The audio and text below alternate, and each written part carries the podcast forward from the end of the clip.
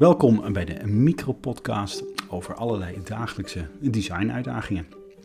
Uh, elke aflevering staan we kort stil bij een onderwerp die je zou moeten kunnen helpen om een nieuw idee te starten of een bestaand idee te verbeteren. En in deze uitzending hebben we het over contrast.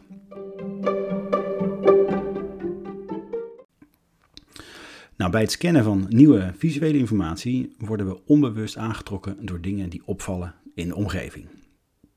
Ja, dat, dat klinkt heel erg mooi. Maar uh, waar moet ik dan aan denken? Nou, bijvoorbeeld je eerste keer dat je op een website komt of in een webshop uh, of dat je een, uh, een app gebruikt.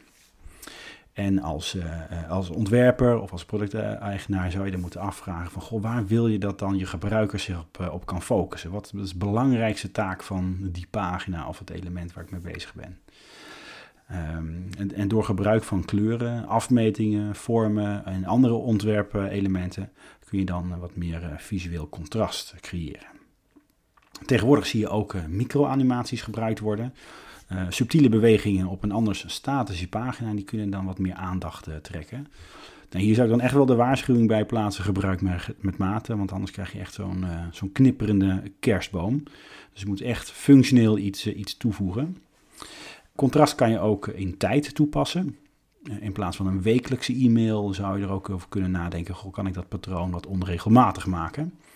En je zou nog kunnen nadenken door ongebruikelijke of onverwachte inhoud te plaatsen.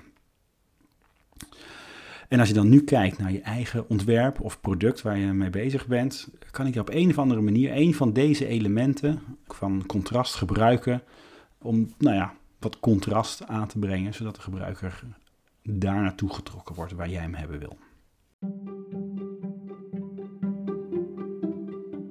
Nou, dan zou ik graag willen afsluiten met een, met een metafoor. Beeld je in, drie glazen bier naast elkaar. Maak wat ruimte, zet er een glas rode wijn ertussen.